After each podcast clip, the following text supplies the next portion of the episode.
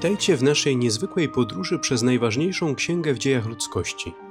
Nazywam się ksiądz Przemysław Krakowczyk, a to jest 26 odcinek naszego codziennego podcastu Biblia w rok. Na początek naszego spotkania pomódlmy się słowami Psalmu 17. Wysłuchaj, Panie, słuszności. Zważ na me wołanie. Przyjmij moje modły z warg nieobłudnych. Niech przed Twoim obliczem zapadnie wyrok na mnie. Oczy Twoje widzą to, co prawe. Choćbyś badał me serce, nocą mnie nawiedzał i doświadczał ogniem, nie znajdziesz we mnie nieprawości. Moje usta nie zgrzeszyły ludzkim obyczajem. Według słów z Twoich warg wystrzegałem się ścieżek gwałtownika. Moje kroki trzymały się mocno Twoich ścieżek. Moje stopy się nie zachwiały. Wzywam Cię, bo Ty mnie wysłuchasz, o Boże. Nakłoń ku mnie Twe ucho, usłysz moje słowo. Okaż miłosierdzie Twoje, zbawco tych, co się chronią przed wrogami pod Twoją prawicę. Strzeż mnie jak źrenicy oka. W cieniu Twych skrzydeł mnie ukryj, przed występnymi, co gwałt mi zadają, przed śmiertelnymi wrogami, co otaczają mnie zewsząd. Zamykają oni swe nieczułe serca, Przemawiają butnie swoimi ustami. Okrążają mnie teraz ich kroki. Natężają swe oczy, by mnie powalić na ziemię. Podobni do lwa dyszącego na zdobycz, do lwiątka, co siedzi w kryjówce. Powstań, o Panie, wystąp przeciw niemu i powal go. Swoim mieczem wyzwól moje życie od grzesznika, a Twoją ręką, Panie, od ludzi. Od ludzi, którym obecne życie przypada w udziale i których brzuch napełniasz Twymi dostatkami, których synowie jedzą dosyta, a resztę zostawiają swoim małym dzieciom. Ja zaś w sprawiedliwości ujrzę Twe oblicze, powstając ze snu, nasycę się Twoim widokiem. Rozdziały od 16 do 18 Księgi Wyjścia – opisują, jak Izraelici, podróżując przez pustynię po wyjściu z Egiptu, skarżą się na brak jedzenia. Bóg syła im mannę z nieba i przeprowadza ich przez próbę wiary, polecając zbierać mannę każdego dnia, a przed szabatem pozwala na zbieranie podwójnej porcji. W dalszej podróży przez pustynię Izraelici ponownie narzekają, tym razem na brak wody. Mojżesz na polecenie Boga uderza swoją laskę w skałę na chorebie, z której wypływa woda.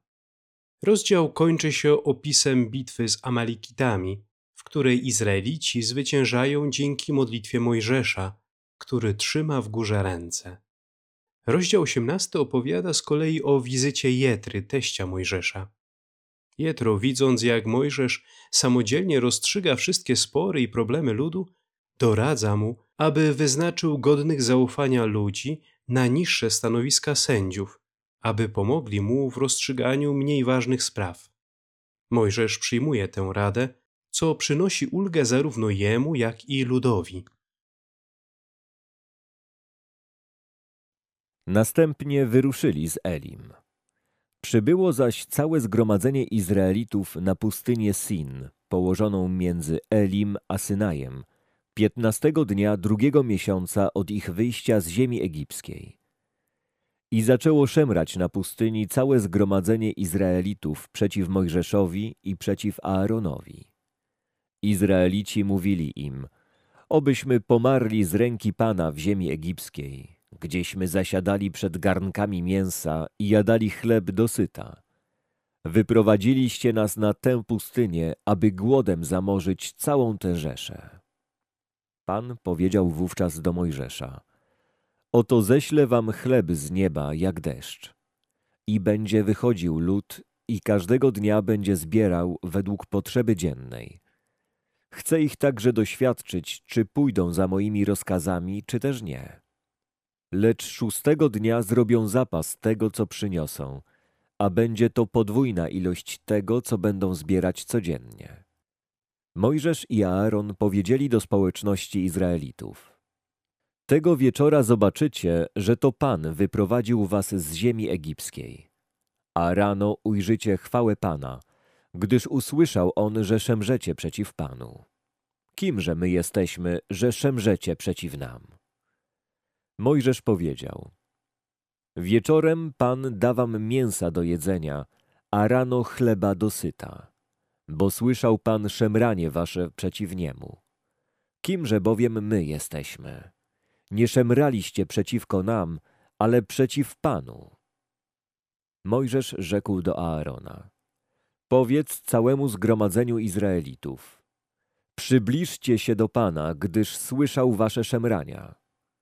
Gdy Aaron przemawiał do całego zgromadzenia Izraelitów, spojrzeli ku pustyni i ukazała się im w obłoku chwała Pana. I przemówił Pan do Mojżesza tymi słowami. Słyszałem szemranie Izraelitów. Powiedz im tak. O zmierzchu będziecie jeść mięso, a rano nasycicie się chlebem. Poznacie wtedy, że ja, Pan, jestem waszym Bogiem. Rzeczywiście wieczorem przyleciały przepiórki i pokryły obóz, a nazajutrz rano warstwa rosy leżała dokoła obozu. Gdy się warstwa rosy uniosła ku górze, wówczas na pustyni leżało coś drobnego, ziarnistego, niby szron na ziemi. Na widok tego Izraelici pytali się wzajemnie, co to jest, gdyż nie wiedzieli, co to było. Wtedy powiedział do nich Mojżesz, to jest chleb, który daje wam Pan na pokarm. To zaś nakazał wam Pan. Każdy z was zbierze dla siebie według swej potrzeby omer na głowę. Każdy z was przyniesie według liczby osób, które należą do jego namiotu. Izraelici uczynili tak i zebrali jedni dużo, drudzy mało. Gdy mierzyli swój zbiór omerem, wówczas ten, który zebrał wiele, nie miał nic zbywającego. Kto zaś za mało zebrał, nie miał żadnego braku. Każdy zebrał według swych potrzeb. Następnie Mojżesz powiedział do nich: Niechaj nikt nie zostawia nic z tego do następnego rana. Niektórzy nie posłuchali Mojżesza i pozostawili trochę na następne rano. Jednak pojawiały się robaki i następowało gnicie. I rozgniewał się na nich Mojżesz. Zbierali to każdego rana, każdy według swych potrzeb. Lecz gdy słońce goręcej przygrzewało, topniało. W szóstym zaś dniu zbierali podwójną ilość pożywienia, dwa omery na każdego. I przybyli wszyscy przełożeni zgromadzenia i donieśli o tym Mojżeszowi. A on rzekł do nich, oto co Pan chciał wam powiedzieć. Dniem świętym spoczynku, szabatem poświęconym Panu jest dzień jutrzejszy. Upieczcie, co chcecie upiec i ugotujcie, co chcecie ugotować. Wszystko zaś, co wam zbywa, odłóżcie na dzień następny. I odłożyli na następny dzień według nakazu Mojżesza. I nie nastąpiło gnicie, ani też nie było w tym robactwa. Mojżesz powiedział, jedzcie to dzisiaj, albowiem dzisiaj jest szabat ku czci Pana. Dzisiaj nie znajdziecie tego na polu. Przez sześć dni możecie zbierać, jednak w dniu siódmym jest szabat i nie będzie nic tego dnia. Niektórzy z ludu wyszli siódmego dnia, aby zbierać, ale nic nie znaleźli. Wówczas Pan powiedział do Mojżesza, jak długo jeszcze będziecie się wzbraniali zachowywać moje nakazy i moje prawa? Patrzcie, Pan nakazał wam szabat i dlatego w szóstym dniu dał wam pokarm na dwa dni. Każdy z was przeto pozostanie w domu. W dniu siódmym żaden z was niech nie opuszcza swego miejsca zamieszkania. I stosownie do tego lud obchodził dnia siódmego szabat. Dom Izraela nadał temu pokarmowi nazwę manna. Była ona biała jak ziarno kolendry i miała smak placka z miodem. Mojżesz rzekł, oto co nakazał Pan. Napełnijcie omer i przechowajcie go dla waszych pokoleń, aby zobaczyły pokarm, którym żywiłem was na pustyni po wyprowadzeniu z ziemi egipskiej. Mojżesz rzekł do Aarona, weź naczynie i napełnij je omerem manny i złóż ją przed Panem, aby przechować ją dla waszych pokoleń. Aaron położył je przed świadectwem, aby przechować, jak to Pan nakazał Mojżeszowi. Izraelici jedli mannę przez czterdzieści lat, aż przybyli do ziemi zamieszkałej. Jedli mannę, aż przybyli do granic ziemi Kanaan.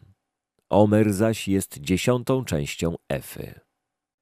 Całe zgromadzenie Izraelitów wyruszyło na rozkaz Pana z pustyni Sin, aby przebywać kolejne etapy. Potem rozbili obóz w Refidim, gdzie lud nie miał wody do picia. I kłócił się lud z Mojżeszem, mówiąc: Daj nam wody do picia. Mojżesz odpowiedział im: Czemu kłócicie się ze mną? I czemu Pana wystawiacie na próbę? Ale lud pragnął tam wody i dlatego szemrał przeciw Mojżeszowi i mówił: Czy po to wyprowadziłeś nas z Egiptu, aby nas, nasze dzieci i nasze bydło wydać na śmierć z pragnienia? Mojżesz wołał wtedy do Pana, mówiąc: Co mam uczynić z tym ludem? Niewiele brakuje, a ukamienują mnie. Pan odpowiedział Mojżeszowi: Wyjdź przed lud, a weź ze sobą kilku starszych Izraela. Weź w rękę laskę, którą uderzyłeś w Nil i idź. Oto ja stanę przed tobą na skale, na chorebie. Uderzysz w skałę, a wypłynie z niej woda i lud zaspokoi swe pragnienie.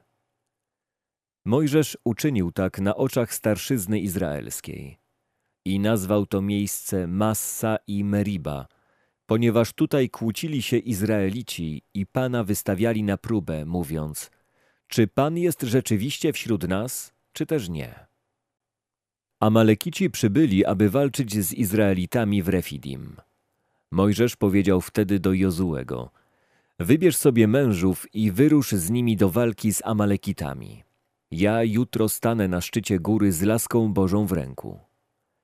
Jozue spełnił polecenie Mojżesza i wyruszył do walki z Amalekitami. Mojżesz, Aaron i Chur wyszli na szczyt góry. Jak długo Mojżesz trzymał ręce podniesione do góry, Izrael miał przewagę. Gdy zaś ręce opuszczał, miał przewagę Amalekita. Gdy zdrętwiały Mojżeszowi ręce, wzięli kamień i położyli pod niego i usiadł na nim – Aaron zaś i Chur podparli jego ręce, jeden z tej, a drugi z tamtej strony. W ten sposób aż do zachodu słońca były ręce jego stale wzniesione wysoko. I tak pokonał Jozue Amaleka i jego lud ostrzem miecza. Pan powiedział wtedy do Mojżesza: Zapisz to na pamiątkę w księdze i przekaż to Jozuemu, że zgładzę zupełnie pamięć o Amalekicie pod niebem. Potem Mojżesz zbudował ołtarz, który nazwał Jahwe Nissi, gdyż mówił, ponieważ podniósł rękę na tron Pana, dlatego trwa wojna Pana z Amalekitą z pokolenia w pokolenie. Teść Mojżesza, kapłan madianicki Jetro, usłyszał opowiadanie o tym wszystkim, co Bóg uczynił dla Mojżesza i dla Izraela, jego ludu, że wyprowadził Pan Izraelitów z Egiptu. Wówczas Jetro, teść Mojżesza, wziął żonę Mojżesza, Seforę, którą ten odesłał, i dwóch jej synów. Jeden z nich miał na imię Gerszom, bo powiedział Mojżesz, jestem przybyszem w obcej ziemi. Drugi zaś miał imię Eliezer, gdyż Bóg mojego ojca był dla mnie pomocą i wyratował mnie od miecza Faraona. Jetro, teść Mojżesza, Przyszedł z synami jego i żoną do Mojżesza na pustynię, gdzie obozował wówczas pod górą Bożą. I polecił donieść Mojżeszowi. Ja, Jetro, twój teść, zdążam do ciebie z żoną twoją i z obu twoimi synami. Wyszedł Mojżesz naprzeciw teścia. Oddał mu pokłon i ucałował go. Potem dopytywali się wzajemnie o powodzenie i udali się do obozu. Mojżesz opowiedział swemu teściowi wszystko, co Pan uczynił Faraonowi i Egipcjanom przez wzgląd na Izraela oraz o wszystkich trudach, jakie ponieśli w czasie podróży i jak Pan ich uwolnił. I cieszył się Jetro ze wszystkiego dobra, jakie Pan wyświadczył Izraelowi, gdy go uwolnił z rąk Egipcjan. I powiedział Jetro, niech będzie błogosławiony Pan, który was uwolnił z rąk Egipcjan i z rąk Faraona. On, który uwolnił lud z rąk Egipcjan. Teraz wiem, że Pan jest większy niż wszyscy inni bogowie, gdyż w ten sposób ukarał tych, co się nimi pysznili. Następnie Jetro, teść Mojżesza, złożył Bogu całopalenia i ofiary biesiadne. A Aaron i wszyscy starsi Izraela przyszli, by z teściem Mojżesza wziąć udział w uczcie przed obliczem Boga. Nazajutrz zasiadł Mojżesz, aby sądzić lud. I stał tłum przed Mojżeszem od rana do wieczora. Gdy teść Mojżesza widział to wszystko, co czynił on dla ludu, powiedział do niego: Czemu ty sam się zajmujesz sprawami ludu? Dlaczego sam zasiadasz, a cały lud musi stać przed tobą od rana do wieczora? Mojżesz odpowiedział swemu teściowi: Lud przychodzi do mnie, aby się poradzić Boga. Jeśli mają spór, to przychodzą do mnie i ja rozstrzygam pomiędzy stronami. Oznajmiam prawa i przepisy Boże. Wtedy teść Mojżesza powiedział do niego: Nie jest dobre to, co czynisz. Zamęczysz siebie i lud, który przy tobie stoi, gdyż taka praca jest dla ciebie za ciężka i sam jej nie możesz podołać. Teraz posłuchaj mnie, dam ci radę, a Bóg niechaj będzie z tobą. Sam bądź przedstawicielem swego ludu przed Bogiem i przedkładaj Bogu jego sprawy. Pouczaj lud dokładnie o przepisach i prawach i wskazuj mu drogę, jaką winien chodzić i uczynki, jakie winien spełniać. A wyszukaj sobie z całego ludu dzielnych, bogobojnych i nieprzekupnych mężów, którzy się brzydzą niesprawiedliwym zyskiem i ustanów ich przełożonymi już to nad tysiącem, już to nad setką, już to nad pięćdziesiątką i nad dziesiątką, aby mogli sądzić lud w każdym czasie. Ważniejsze sprawy winni Tobie przedkładać, sprawy jednak mniejszej wagi sami winni załatwiać. Będziesz w ten sposób odciążony, gdyż z Tobą poniosą ciężar.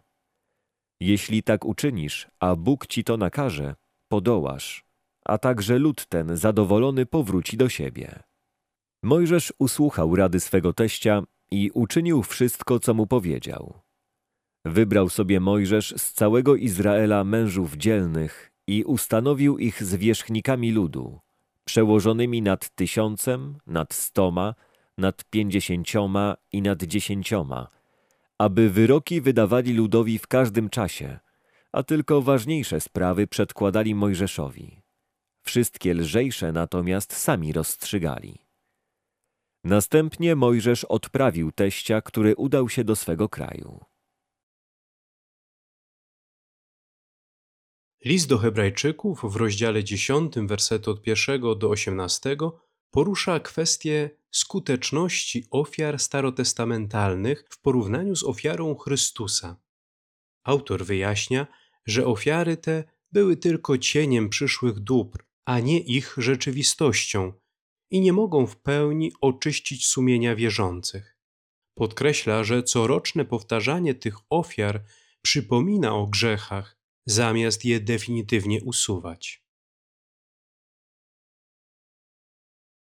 Prawo bowiem, posiadając tylko cień przyszłych dóbr, a nie sam obraz rzeczy, przez te same ofiary corocznie ciągle składane, nie może nigdy udoskonalić tych, którzy przystępują do Boga. Czyż bowiem nie przestano by ich składać, gdyby składający je raz na zawsze oczyszczeni nie mieli już żadnej świadomości grzechów? Ale przez nie każdego roku następuje przypomnienie grzechów. Niemożliwe jest bowiem, aby krew cielców i kozłów usuwała grzechy. Przeto przychodząc na świat mówi Ofiary ani daru nie chciałeś, ale mi utworzyłeś ciało. Całopalenia i ofiary za grzech nie podobały się Tobie. Wtedy rzekłem, oto idę, w zwoju księgi napisano o mnie, aby spełnić wolę Twoją, Boże. Wyżej powiedział, Ofiar, darów, całopaleń i ofiar za grzech nie chciałeś i nie podobały się Tobie, choć składane są zgodnie z prawem. Następnie powiedział: Oto idę, aby spełnić wolę Twoją. Usuwa jedną ofiarę, aby ustanowić inną. Na mocy tej woli uświęceni jesteśmy przez ofiarę ciała Jezusa Chrystusa raz na zawsze. Wprawdzie każdy kapłan staje codziennie do wykonywania swej służby i wiele razy składa te same ofiary, które żadną miarą nie mogą zgładzić grzechów. Ten przeciwnie, złożywszy raz na zawsze jedną ofiarę za grzechy, zasiadł po prawicy Boga, oczekując tylko, aż nieprzyjaciele jego staną się podnóżkiem pod jego stopy. Jedną bowiem ofiarą udoskonalił na wieki tych, którzy są uświęcani. Daje nam zaś świadectwo Duch Święty, skoro powiedział: Takie jest przymierze, które zawrę z nimi po owych dniach, mówi Pan. Nadam prawa moje w ich sercach, także w myśli ich je wypiszę, a na ich grzechy oraz ich nieprawości więcej już nie wspomnę. Gdzie zaś jest ich odpuszczenie, tam już więcej nie zachodzi potrzeba ofiary za grzechy. Dziękuję za uwagę i zapraszam na jutrzejszy odcinek Biblii w rok. Do usłyszenia.